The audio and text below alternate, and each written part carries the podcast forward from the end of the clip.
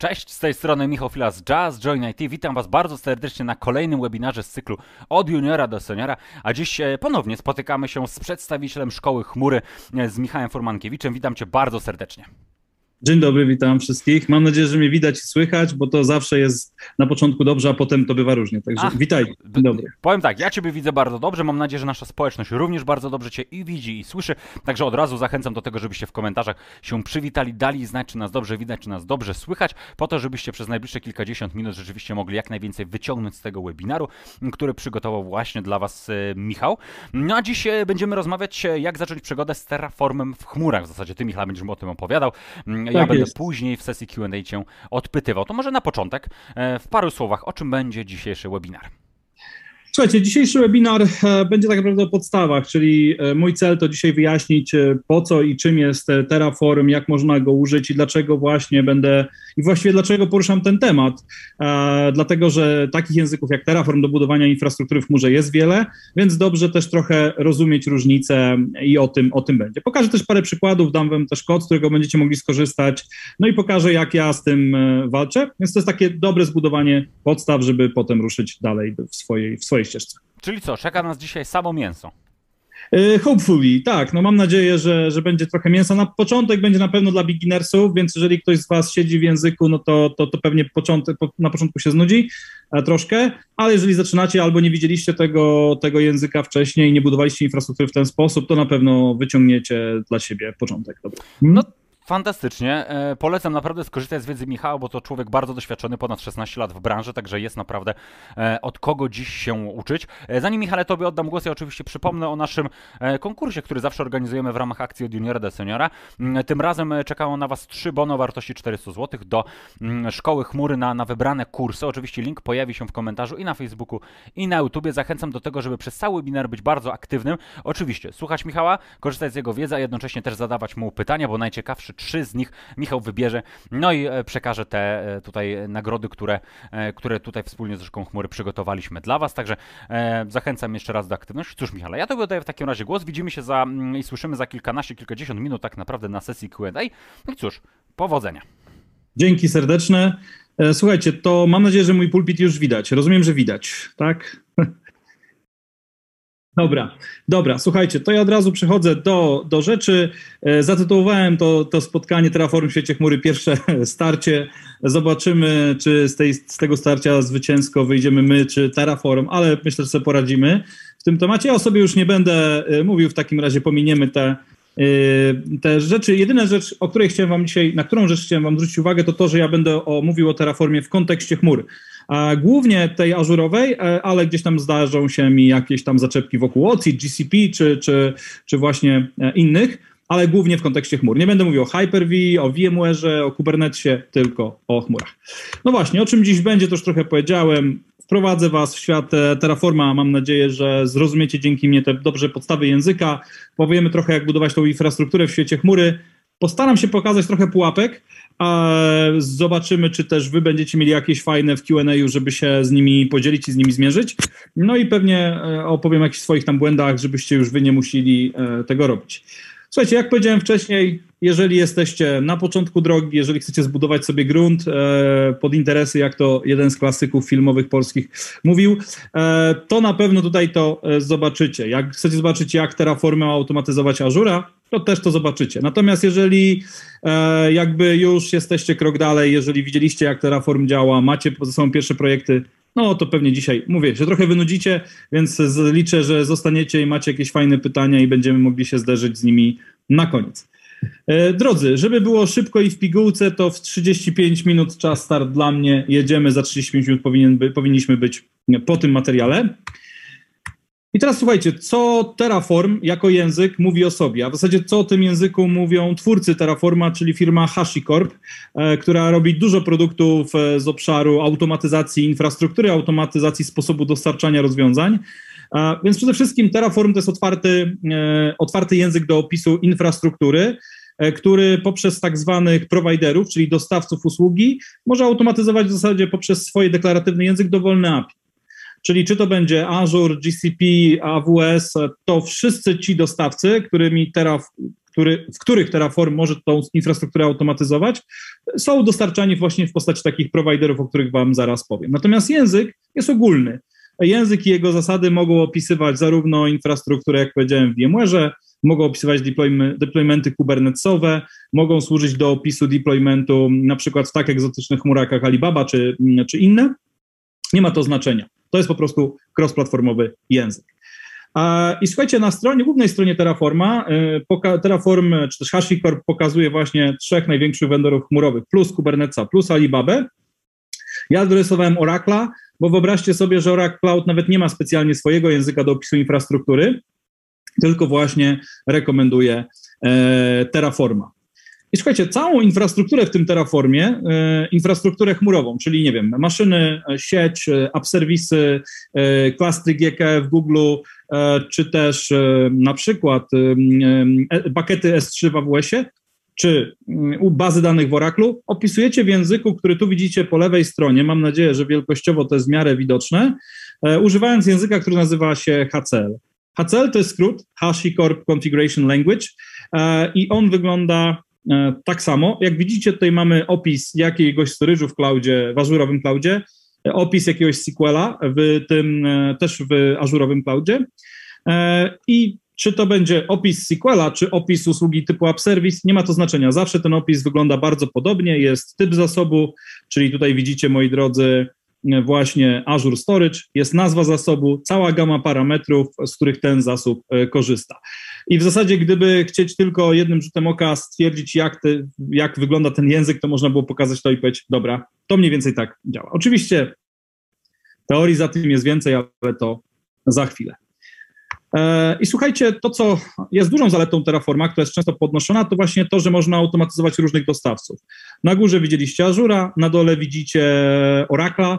E, jak widzicie, forma wyrazu podobna, parametry, języ- znaczy składnia języka e, taka sama, natomiast zmieniają się zasoby, czyli tu już mamy OCI, Core Virtual Network, zmieniają się e, pewne parametry, natomiast dalej, jak powiedziałem, sposób opisu taki sam.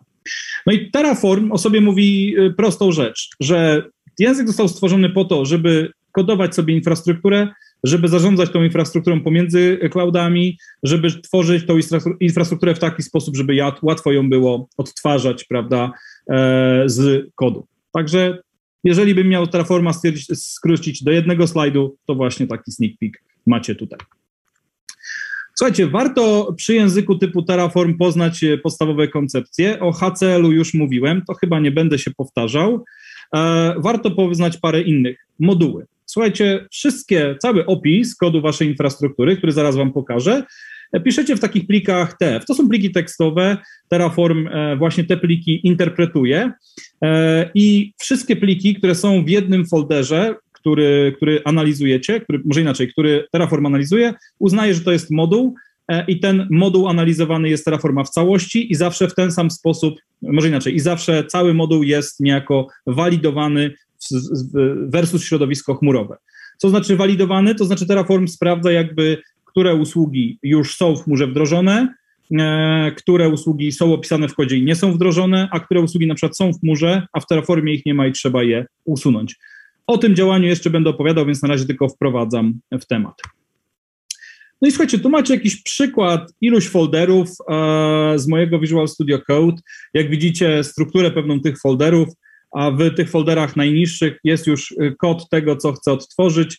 Celowo całość jest podzielona na mniejsze rzeczy. Dla Terraforma to nie ma żadnego znaczenia, natomiast dla człowieka ma, czy w folderze będzie miał, czy będzie miał cały kod w jednym pliku, czy e, kod rozrzucony pomiędzy plikami, które coś wnoszą i podzielony jeszcze na właśnie takie moduły, które mi jest w stanie niezależnie zarządzać, niezależnie je rozwijać i niezależnie je deployować w środowisko chmurowe, tak? To, tak to mniej więcej wygląda. Słuchajcie, jeszcze może jedno słówko a propos modułów. E, słowo modules pojawia też się w kontekście pisania takich reużywalnych kawałków kodu e, dla potrzeb, e, dla takich potrzeb, żeby zamknąć w kodzie Terraforma usługę, którą macie zawsze powoływać w ten sam sposób i żeby ten moduł potem oddać komuś i ktoś ten moduł tylko wywołuje i nie musi znać całego tego e, wszystkich tych bebechów, że tak powiem, które żeście napisali, żeby daną usługę w dany sposób tworzyć.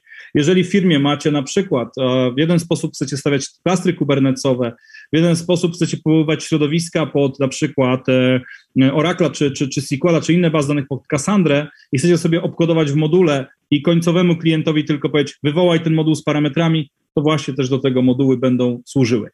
E, nie będzie w tym webinarze zbyt wiele jeszcze o modułach. Jak będziecie mieli ochotę, zapraszam, chętnie o tym pogadam. Słuchajcie, co jeszcze z takich podstawowych pojęć? O prowajderze tak naprawdę już mówiłem. Provider to jest po prostu sposób powiedzenia Terraformowi hej, Terraform, teraz masz automatyzować e, Azura, a może jednak OCI, a może jednak Kubernetesa, a może Azura D. Czyli to jest sposób na powiedzenie, którego prowajdera chcecie używać. Czyli które, którą chmurę, którą usługę chcecie automatyzować. I tu widzicie, jak prosto pokazać, że chcecie używać prowajdera do Azura, tutaj do Azura D. Tutaj widzicie, jak wskazać Terraformowi, że chcecie używać prowajdera do OCI, do, do, do Oracle Cloud Infrastructure, tak? Podobnie to się robi przy AWS-ie czy, czy, czy, czy przy GCP. Więc to jest provider. I drugi taki wątek, który jest dosyć istotny, żeby właśnie już e, powiedzieć Terraformowi, hej, chciałbym, e, żebyś ten przygotował sobie te prowajdery, chciałbym, żebyśmy zaczęli jakiś proces deploymentu, no to wykonujecie operację init, tu widzicie po prawej stronie, tym momencie Terraform ściąga odpowiedni provider e, z publicznego repo prowajderów, tak, tutaj widzicie wersję, no i w ten sposób dzięki temu możecie właśnie w Terraformie wyrażać e, infrastrukturę do, dla danego dostawcy. E, po zrobieniu tego inita w odpowiednim folderze, w którym to robicie, pojawi się odpowiedni katalog, w którym właśnie ten, ten, te binarki związane z tym prowajderem tam będą dostępne. Słuchajcie, i za czym pójdziemy krok dalej, chciałbym z Wami jeszcze pogadać o temacie, który przy Terraformie wzbudza bardzo duże emocji, E, a więc o stanie. Ale żeby o tym pogadać, to muszę pokazać kawałek demo i zaraz do tego stanu wrócimy. Moi drodzy, e, to jest moja subskrypcja e, ażurowa, prywatna, z której sobie korzystam. Tu jak widzicie nie ma całego morza usług, parę resource group, nic się wielkiego nie dzieje. A tutaj, moi drodzy, mam gdzieś moje Visual Studio Code. Czekajcie, może wyjdziemy z trybu pełnego którym mam dosłownie kawałek kodu e, terraformowego w różnych folderach. I tu, drodzy, mam e, jeden folder, w którym mam, zobaczcie, najprostszego providera, który ma działać w moim kontekście, e, tak, subskrypcję, do której się podłączam w swoim kontekście azurową. I tutaj jakieś warsy, czyli tak naprawdę na razie jakieś zmienne, na razie żadnej infrastruktury nie tworzę. Żeby coś się utworzyło, to ja pozwolę sobie przeciągnąć jeszcze ten folder, który pozwoli mi utworzyć dosłownie kilka grup zasobów w moim cloudzie. Ja przed spotkaniem zrobiłem Terraform Init, żeby to się wszystko zaciągnęło, więc tutaj sobie to wszystko sklirujemy. Init został wykonany. Zobaczcie, ten folder z prowajderem tutaj jest, więc teraz robię Terraform plan. No, przepraszam, oczywiście jak się pisze przy wielu osobach, to się zaraz czeknę. Terraform plan robić rzecz następującą. Analizuje wasz kod terraformowy, który tutaj macie, analizuje zawartość stanu, czyli plików, w którym są informacje, którymi zasobami w chmurze ten Terraform zarządza, porównuje ten stan z tym kodem i mówi: OK, Furmankiewicz, chcesz, żebym ci utworzył ileś resource group, tak? Tutaj widzicie, że te resource grupy w są opisane. W stanie nie miałem nic, bo ten stan był pusty, tak? Tutaj jest ten plik ze stanem, zaraz go sobie pokażemy no to po planowaniu Terraform stwierdził, OK, Furmankiewicz, ja ci stworzę te resource grupy, o które prosisz. I tutaj widzicie, drodzy, e, efekt zapytania plan, który mówi, OK, te wszystkie zasoby będą stworzone. Ten zielony plusik oznacza, że będą stworzone. No dobra, no to słuchajcie, jak są stworzone, to ja mogę zrobić Terraform Apply i Terraform Apply sprawi, że powiem Terraformowi, OK, to weź te zasoby, które, e, to, to, to, teraz mi stwórz te zasoby, albo w zasadzie zaaplikuj mi to, co mam w kodzie do mojej infrastruktury chmurowej. I Terraform znowu robi plan i mówi, OK, wydaje mi się, znaczy nie wydaje mi się, po porównaniu stanu z twoim kodem te zasoby będą utworzone, czy tego chcesz? Ja mówię, że, że czemu nie? E, I w tym momencie e, mam nadzieję, że się nic nie wysypie i e, mój, i mój Terraform, znaczy mój kod te zasoby w tej subskrypcji stworzy. Jak widzicie, wszystkie zasoby są tworzone w tym samym czasie, jest to proces zrównoleglony i jeżeli tutaj to odświeżymy i minie odpowiednio dużo sekund, to zaraz powinniście te zasoby tutaj zobaczyć. To jest naturalne portale chmurowe są zawsze, że tak powiem, zawsze dłużej reagują na to, co się wydarzyło w kodzie, więc musimy dać temu portalowi chwilę i zaraz pewnie ta zawartość się kodu odświeży. O właśnie, i już widzicie, te wszystkie resource grupy, które ja stworzyłem są tutaj utworzone, tak? Utworzyłem je w kodzie. I teraz dlaczego o tym opowiedziałem i gdzie ten stan? Moi drodzy, to, że Terraform utworzył te resource grupy sprawiło, że w pliku tf state, e, który może być trzymany w różnych miejscach, nie będę teraz o tym opowiadał, jest pełna informacja o tym, jakie zasoby chmurowe zostały stworzone. E, ten plik ma swoją strukturę JSONową, nie będę w nią e, wnikał, ale on pokazuje właśnie wszystkie atrybuty, wszystkie parametry oraz najważniejszą rzecz, a więc identyfikator zasobu, który łączy kod w Terraformie z prawdziwymi zasobami w cloudzie oraz odpowiedni klucz, dzięki któremu Terraform jest w stanie porównać, że ta resource grupa w cloudzie to jest mm, ten obiekt w Terraformie. Dlaczego? Dlaczego to jest istotne? Dlatego, że tak jak powiedziałem, Terraform analizuje ten stan, więc teraz jeżeli ja na przykład w kodzie moim wykomentuję parę, e, parę zasobów, co teraz właśnie zrobię, wykomentowałem i zrobię znowu Terraform, no przepraszam Was, Terraform apply, to tym razem Terraform przeanalizuje kod, zobaczy, OK, w kodzie Terraforma nie mam definicji tych resource group, które zakomentowałeś. W stanie je mam. To znaczy, że mamy różnicę pomiędzy tym, co ty chcesz zrobić, to co masz w kodzie, a pomiędzy tym, co jest w moim stanie, zostało zrobione. Więc co ja zrobię? Zaproponuję ci usunięcie tych resource group, których, których z kodu już mm, nie chcesz. No dobra, ja się na to zgodzę w tym momencie i, i w te grupy zostaną usunięte. Możecie zadać trudne pytanie. Michał, a co by się stało, jakbyś stworzył resource grupę w cloudzie, nie zapisał jej w stanie, zapisał, nie zapisał jej w żadnym stanie, w żadnym kodzie Terraforma, czy Terraform będzie próbował coś z nią zrobić? Nie. Jeżeli zasób jest w cloudzie, nie macie go w kodzie, no to Terraform mówi, dobra, nie obchodzi mnie to, to są twoje problemy, e, po prostu ja nie trzymam stanu tego zasobu. Ale co by było, gdybyśmy zrobili rzecz następującą? Ja bym opisał w kodzie, hej Terraform, stwórz mi grupę, która ma się nazywać e, Just Join IT RG, a opisałbym to w kodzie, ale założyłbym tą grupę również w cloudzie. Otóż Terraform przy porównywaniu swojego stanu, czyli swojego pliku, z moim kodem by powiedział, OK, w stanie tej grupy nie mam, w kodzie ją mam, chcę ją stworzyć. Ale okazałoby się równocześnie, że ta grupa już jest w środowisku chmurowym, ta resource grupa. Więc wtedy stan w Terraformy powiedział, nie mogę tego stworzyć, bo mamy konflikt z zasobów. Więc e, konkludując już ten, ten, tę opowieść, Terraform w stanie trzyma informacje, którymi zasobami zarządza i na tej podstawie wie, e, które zasoby ma jak zmieniać. Do Terraforma możecie zaimportować zasoby, które utworzyliście ręcznie i chcecie je mieć w kodzie. Możecie to zrobić. Natomiast mówię, dzięki temu po prostu Terraform wie, którymi zasobami zarządzać. Ten, te pojęcie stanu dla tych, którzy pracowali z Azurem i pracowali na przykład z ARMem, nie jest typowe, więc tutaj dlatego chciałem to dłużej wyjaśnić, bo stan Terraforma jest niezwykle istotną rzeczą. Słuchajcie, nie musicie też tego stanu oglądać w ten sposób, e, analizując plik. Zawsze możecie użyć poleceń i napisać Terraform state list, e, Terraform, przepraszam, i w tym momencie poprosicie Terraforma, żeby wylistował Wam zawartość Waszego stanu, czyli pokazał, jakie obiekty w tym stanie są. I proszę bardzo, takie obiekty są. E, to jest po prostu sposób na sprawdzenie, czy dany obiekt jest w stanie, ewentualnie w jakim stanie jest w tym stanie, znaczy jakie parametry ma. Słuchajcie, Terraform reaguje też na zmiany, a więc jeżeli ja na przykład miałem resource grupę, miałem resource grupę taką, ale teraz bym chciał do niej dodać tagi, no to w momencie, w którym dodam e, tagi, e, e, tak, to Terraform wykryje, że ok, owszem, grupa istnieje, ale nie ma takiego tagu. Mam nadzieję, że dobrze w tym cloudzie opisuje tak, e, ale w każdym razie tak to by wyglądało. E, tak to by wyglądało, tak? Gdybyśmy chcieli to zrobić, to wtedy Terraform wykryje tą różnicę. Zostawmy na razie tagi na, na, na boku i wyjaśnijmy sobie dokładniej, jak ten stan działa. Więc moi drodzy, myślę, że podstawową koncepcję załapaliście.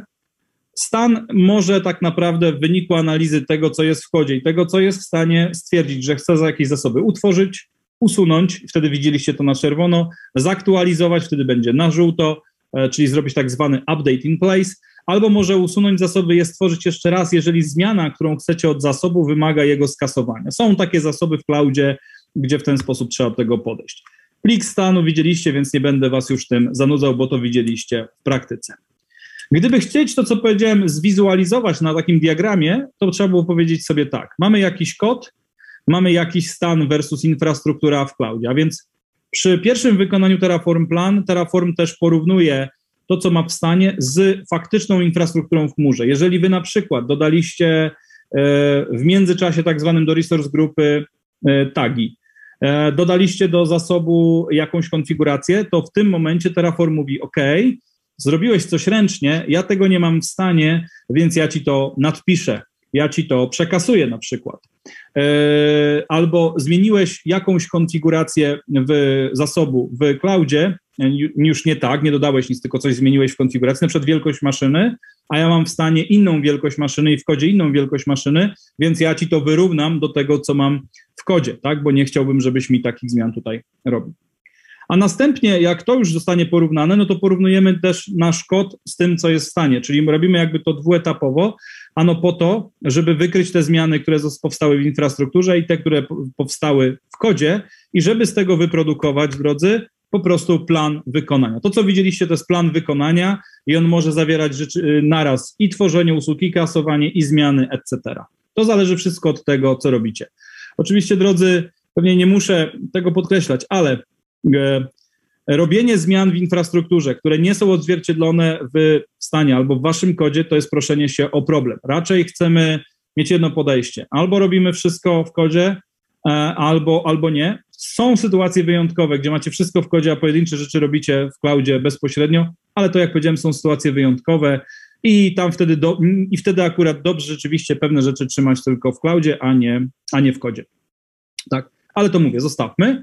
Natomiast robienie zmian w infrastrukturze w cloudzie bez nanoszenia tych zmian potem na kod e, skończy się zawsze jakąś, jakimś rozjazdem, jakąś potrzebą importowania zmian czy tego typu historii.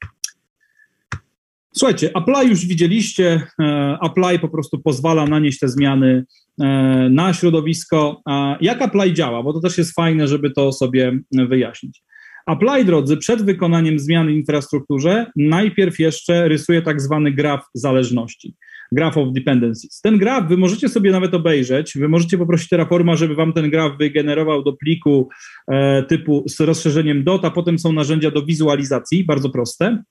I ten graf zależności jest genialny e, w tym swoim postępowaniu. Otóż Terraform wykrywa zależności pomiędzy obiektami. Czyli jeżeli na przykład ja tworzę resource grupę, a potem konto storage'owe w tej resource grupie, to nie musicie jawnie wskazywać, że to konto zależy od tej resource grupy. Jeżeli tylko odpowiednio piszecie ten kod, Terraform jest w stanie te zależności wykryć i na podstawie tych zależności ustawić sobie graf e, zależności i procedurę wykonania i dzięki temu wykonać to w takiej kolejności, żeby to miało dla Was sens.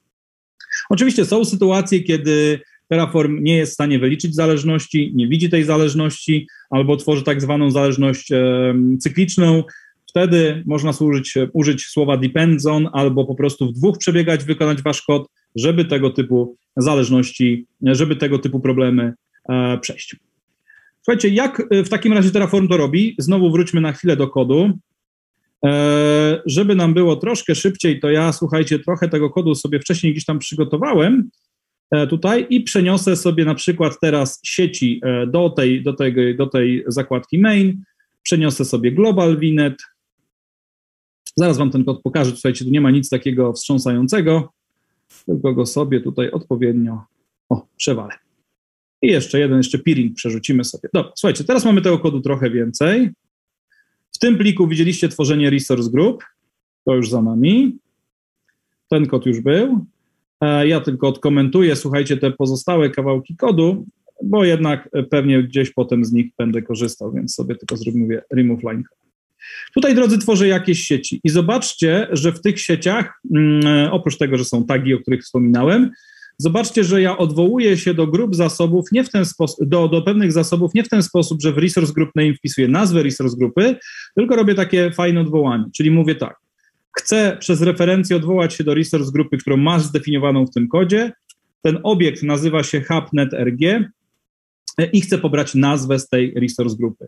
Czyli takie wyrażenie sprawia, że Terraform będzie szukał w tych wszystkich plikach obiektu o typie o tym typie, o takiej nazwie. No i jak prze, przejdzie się do tego pliku, to sobie po prostu taki, zobaczcie, taki obiekt tutaj znajdzie i wie, że ta sieć musi być w tej resource grupie. I właśnie dzięki takim referencjom, e, a nie w przekazywaniu wprost wartości przez stałą, Terraform jest w stanie te zależności sobie wyliczyć i te rzeczy sobie utworzyć e, w odpowiedniej kolejności. Zobaczcie też, tu mam subnet, który ma być subnetem w tej wirtualnej sieci, która tu jest wyżej opisana i też Terraform będzie w stanie sobie te zależności wyliczyć. Tu mamy kolejne sieci i tu nie ma nic nowego, żadnego nowego kodu, tylko też właśnie znowu referencje i zobaczcie też pobranie ze zmiennych e, zakresów cidrowych dla tych e, sieci, prawda? Czyli tutaj mam plik z warsam, wars i tu mam ileś zmiennych. O zmiennych w Terraformie moglibyśmy jeszcze pogadać, bo jest kilka co najmniej metod przekazywania ich, Lepszym pojęciem są TF-warsy, ale nie chcę wprowadzać kolejnego pojęcia, tylko pokazuję Wam, jak można sobie w jednym miejscu te warsy zdefiniować. Dobrze. Słuchajcie, zobaczmy, czy ten kod nam się utworzy. Tu jeszcze mamy, widzicie, jakieś NSG, to typowo ażurowa koncepcja firewalla, takiego statelessowego, który po prostu nam pozwala wskazać, jakie, e, prawda, jaki ruch chcecie wpuścić, a jaki nie. I peeringi to jest połączenie pomiędzy dwoma sieciami, tak, żeby ruch pomiędzy nimi był dostępny. To co? Zrobimy Terraform plan. Przepraszam. E, niech on się tutaj wykona. Teraz oczywiście chwilę on potrwa, te zależności chwilę się policzą.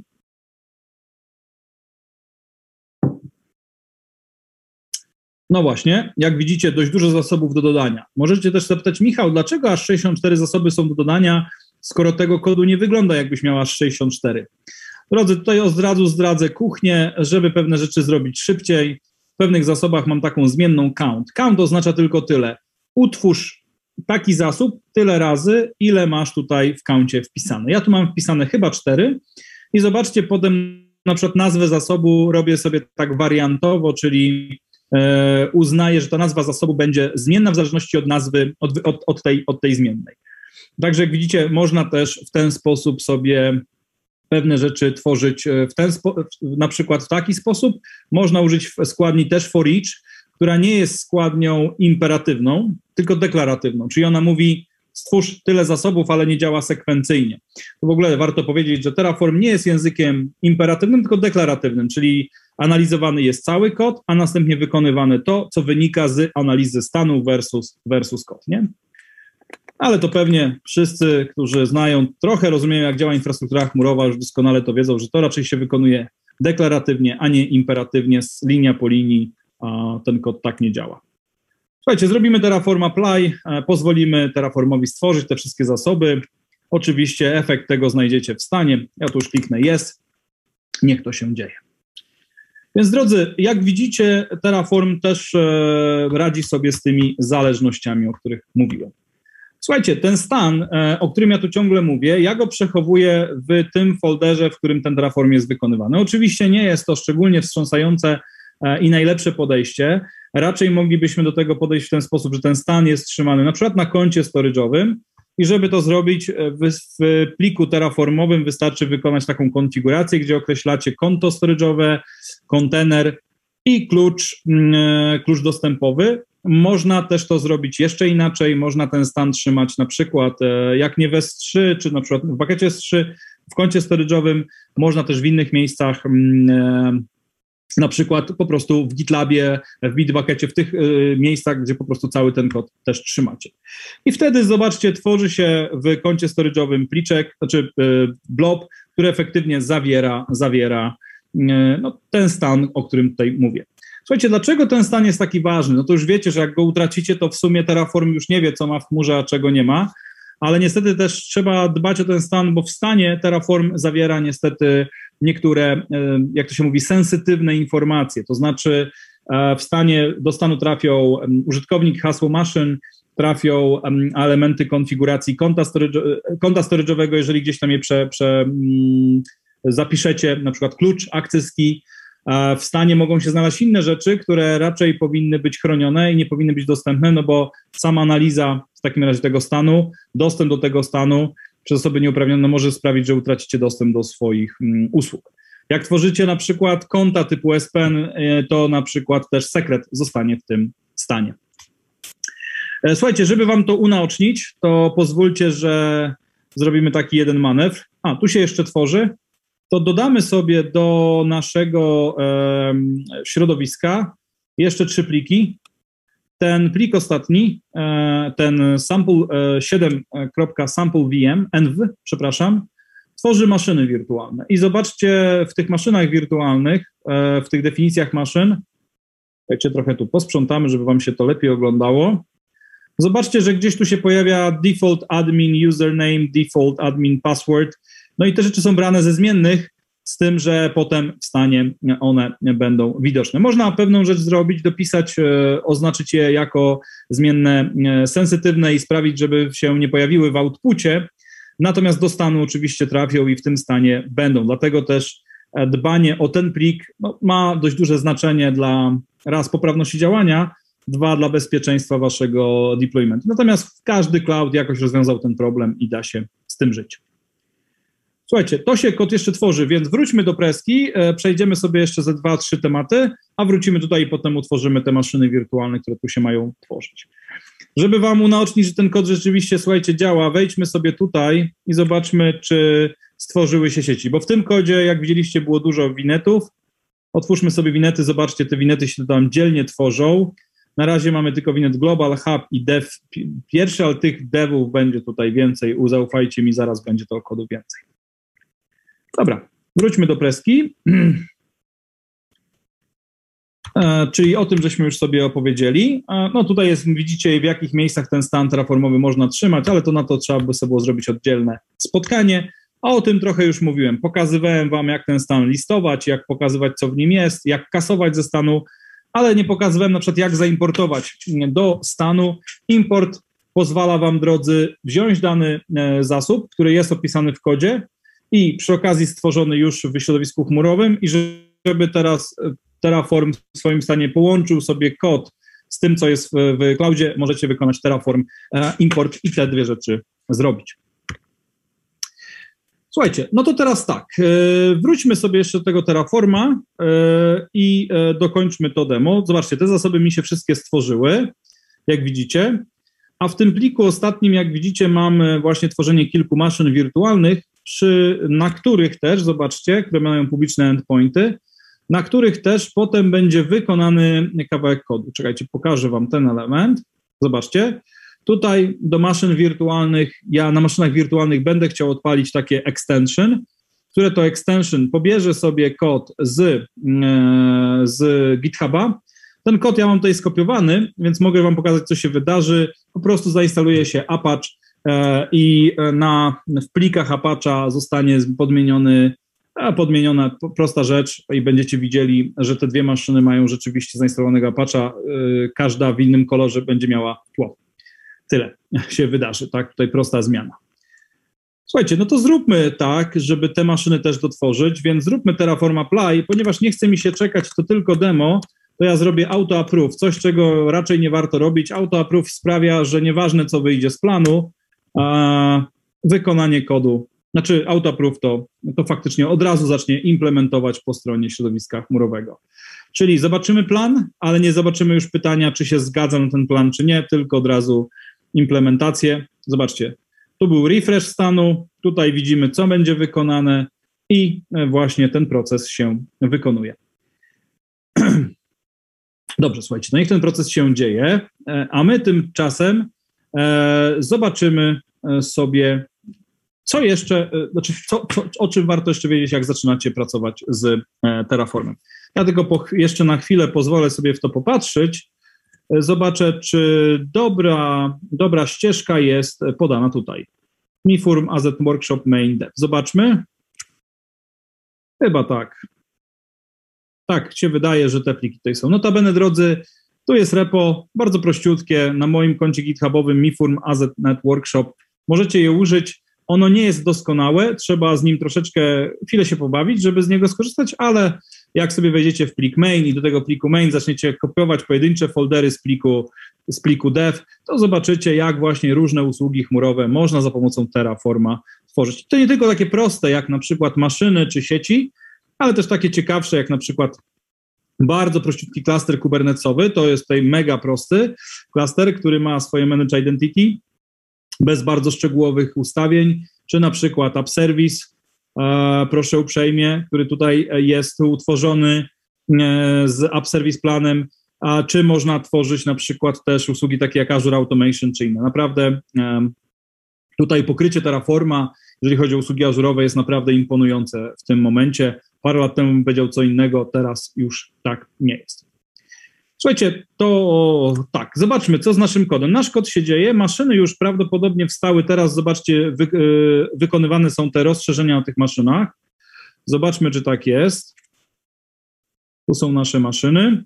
Tak, zobaczcie, maszyny już stoją, to są ich publiczne adresy IP, więc jak tylko to się uda skończyć, to te publiczne adresy powinny nam odpowiedzieć, powinny nam pokazać stronę Apache, o ile dopuścimy do tych maszyn e, ruch po porcie 80, ale dajmy temu jeszcze chwilę, niech to się skończy.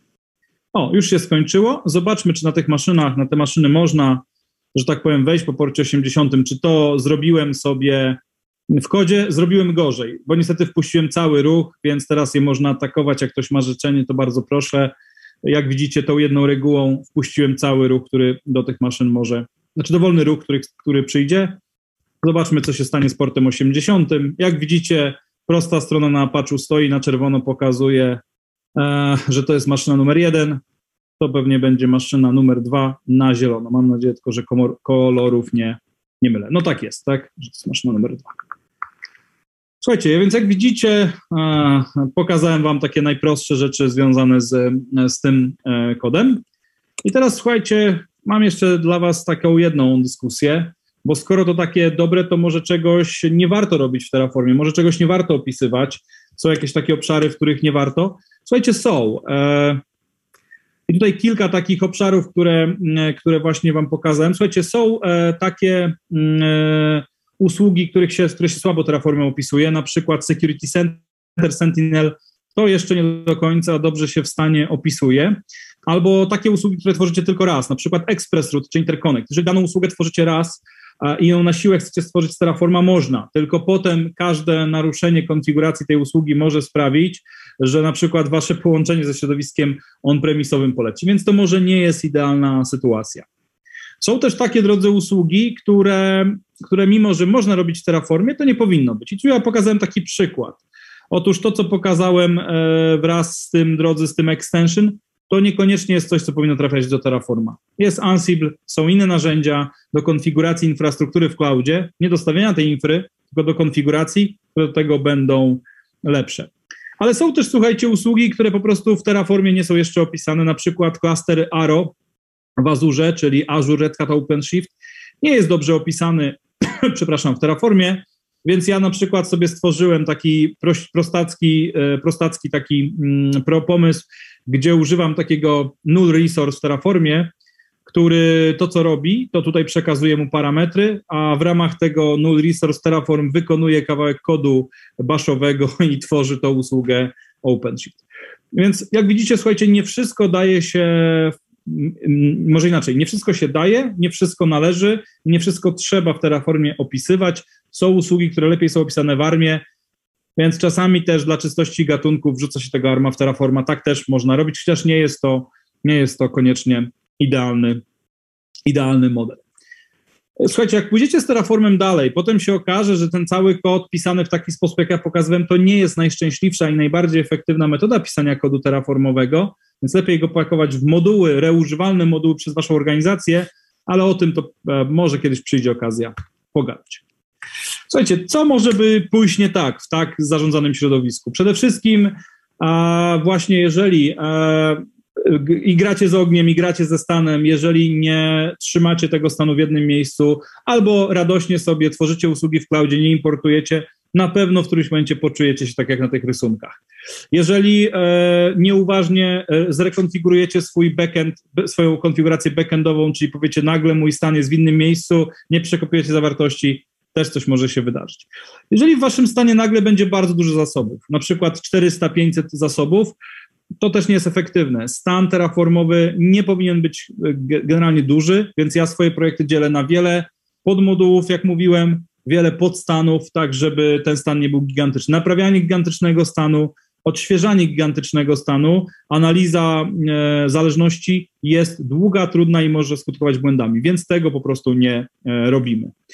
E, no i wszelkie zabawy, mówię, ręczne z, z plikiem stanu w tym JSONie, to nie jest coś, co chcecie przeżyć. E, szkoda, szkoda życia. E, słuchajcie, jak powiedziałem, próg, no te rzeczy już wymieniłem. Próg wejścia jest dosyć niski, więc o stany można, o, o problemy ze stanem można się łatwo na, nagiąć. Łatwo też, słuchajcie, przy Terraformie wywołać problem w każdej chmurze, czyli liczbę limitów wywołań do API. E, warto też pomylić, łatwo też pomylić wersję Terraforma i wersję providera i próbować w niskiej wersji providera do danej chmury opisywać usługi, które są tylko w wyższych wersjach, to też łatwo zrobić.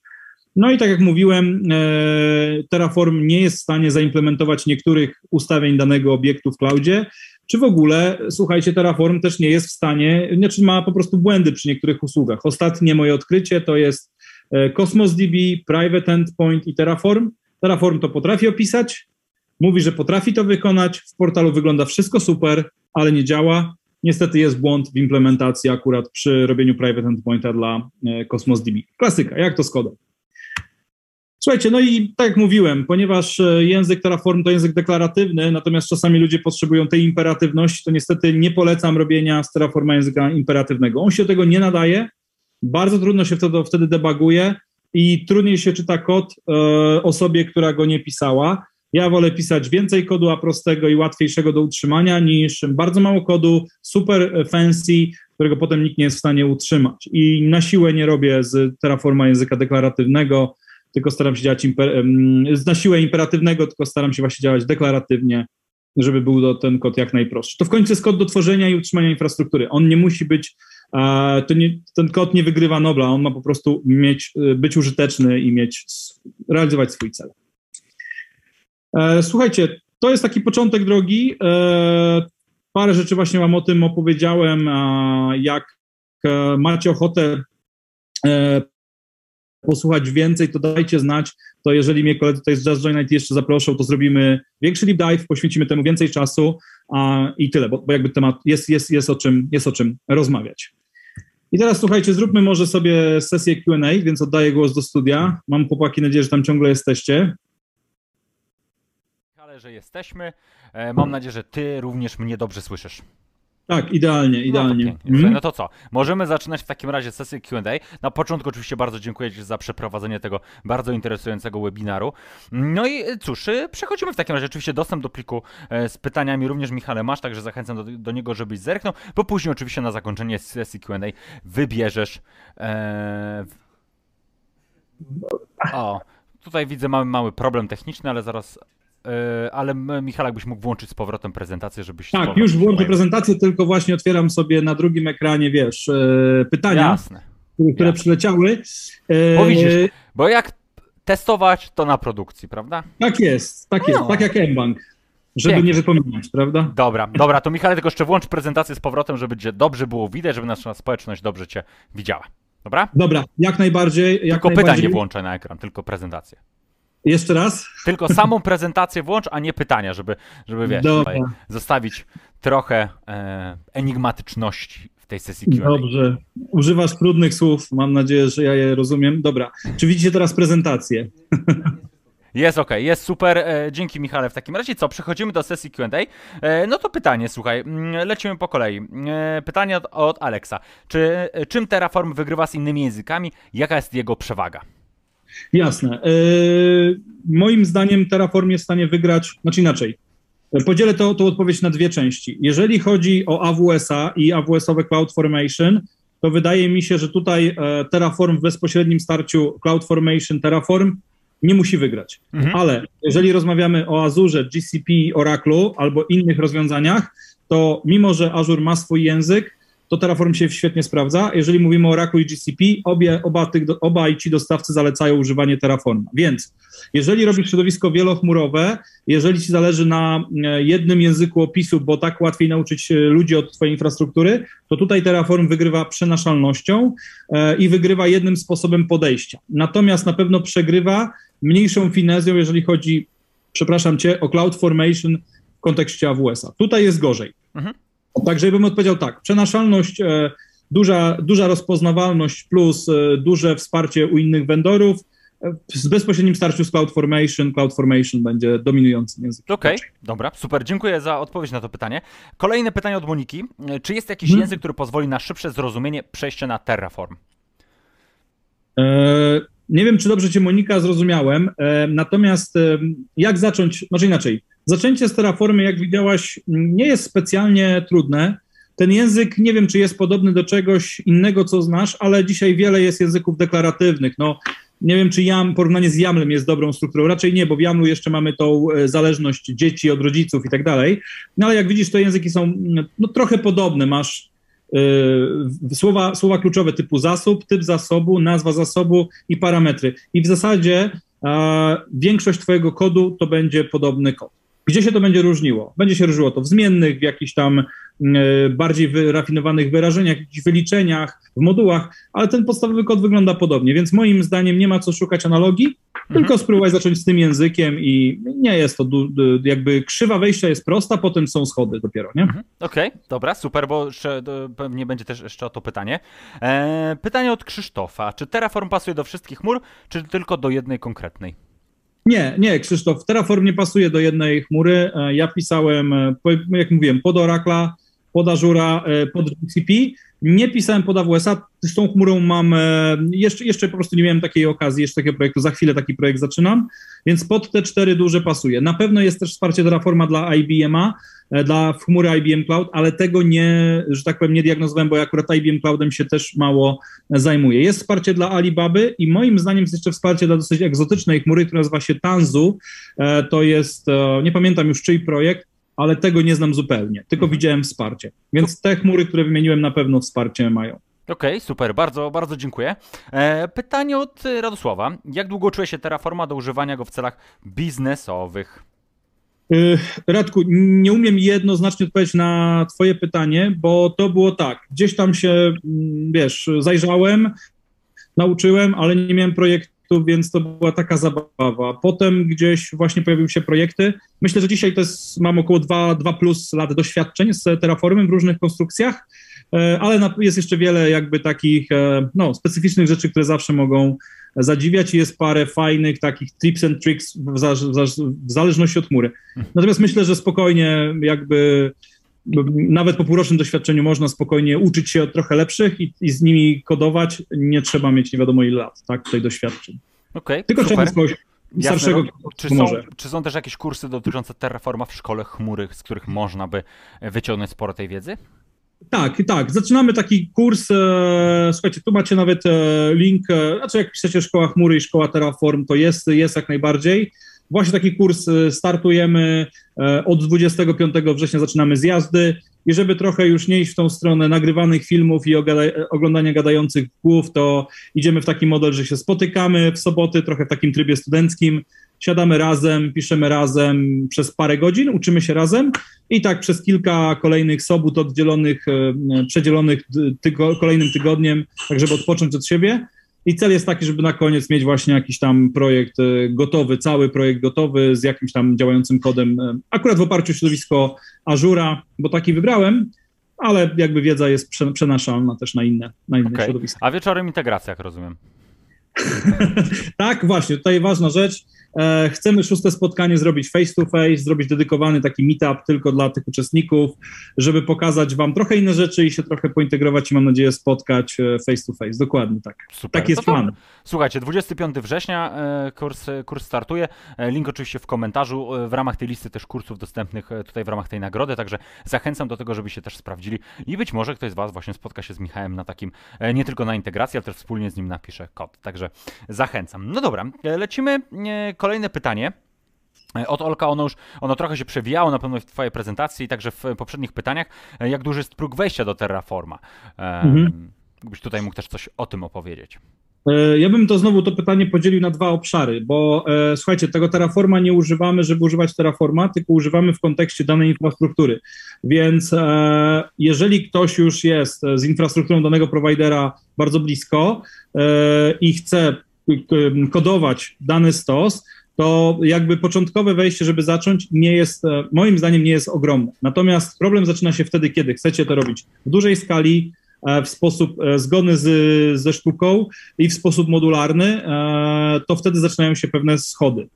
Jeżeli ktoś natomiast nie ma doświadczeń z danym prowajderem chmurowym, ale chciałby się nauczyć Terraforma w kontekście tego prowajdera, to warto zrobić chociaż sobie prosty wstęp, nauczyć się podstawowych pojęć, rozumieć, jak one działają, żeby potem e, przy odkrywaniu Terraforma nie odkrywać jeszcze, jak działa dany provider, bo to będzie za dużo, moim zdaniem, na początek.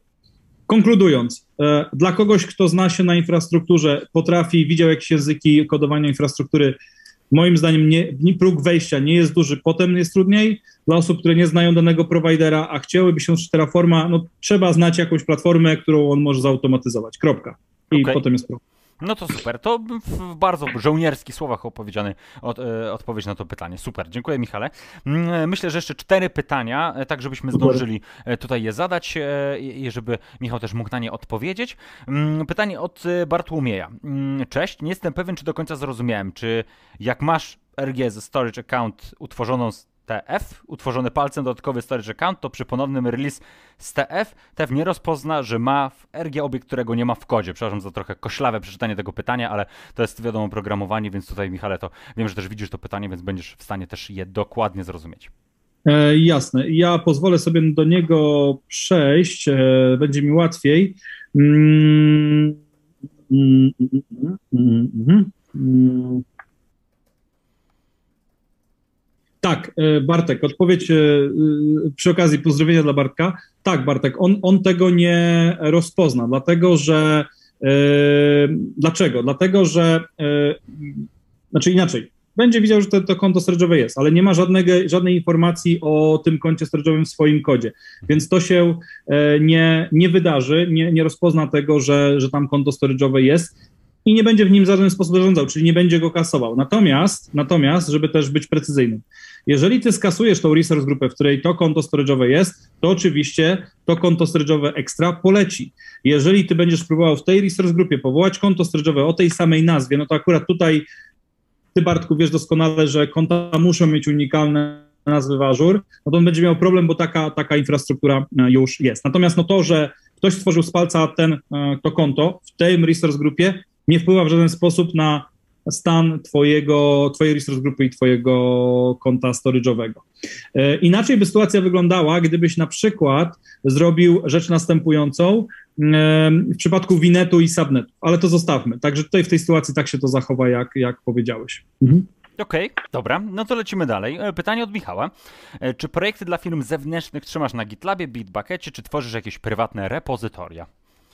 E, Michał, e, pytanie, znaczy odpowiedź na to pytanie jest taka, że to zależy od klienta. Jeden klient ma Bitbucketa, drugi ma GitLaba, trzeci Azure DevOpsa, e, czwarty jeszcze coś innego, e, albo ja dla niego trzymam kawałek tego kodu przez Azure DevOpsie w prywatnym repo i potem mu ten, e, przekazuję ten kod bardzo różnie. E, nie ma jednej dobrej odpowiedzi. Po prostu no, dostosowuje się do tego repo, którym klient ma kod i do tego pipe, e, pipeline'u CI/CD, którego klient używa. A to, co klient potrafi być różne. Także nie mam jednej rekomendacji tutaj.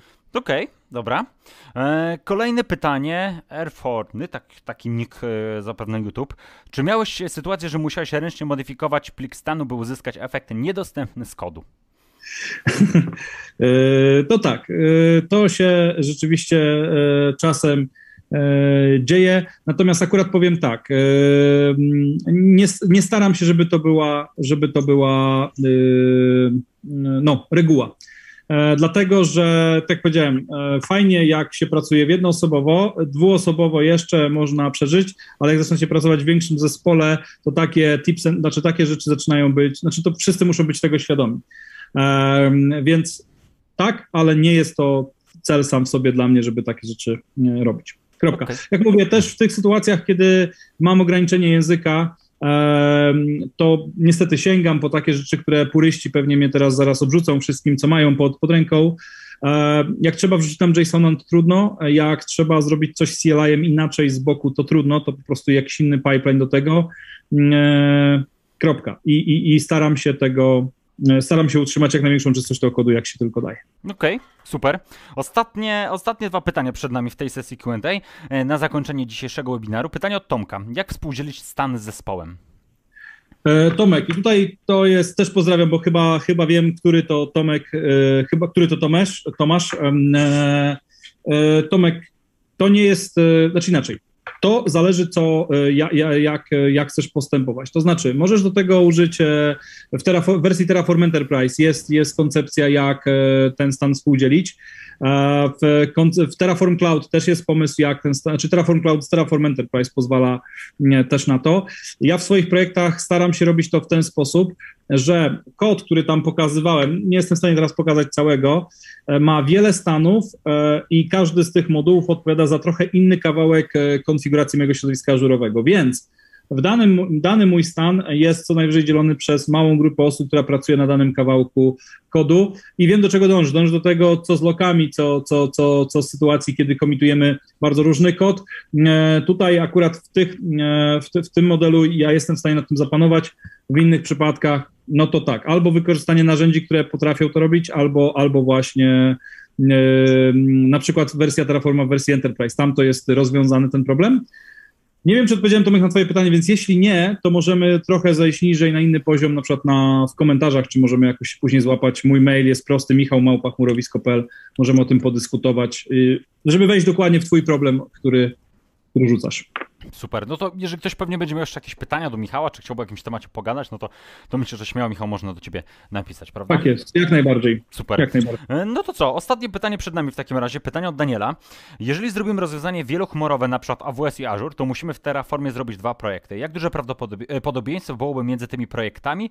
Czy byłaby duża powtarzalność kodu? Czy, chmura, czy chmury różnią się tak bardzo, że migrując się na, e, na nowego prowajdera musimy przepisać praktycznie od zera Terraforma? Yy, właściwie praktycznie od zera musisz przepisać ten Terraform. Dlatego, że to, że język jest taki sam, to koncepcje w każdej chmurze są troszkę inne.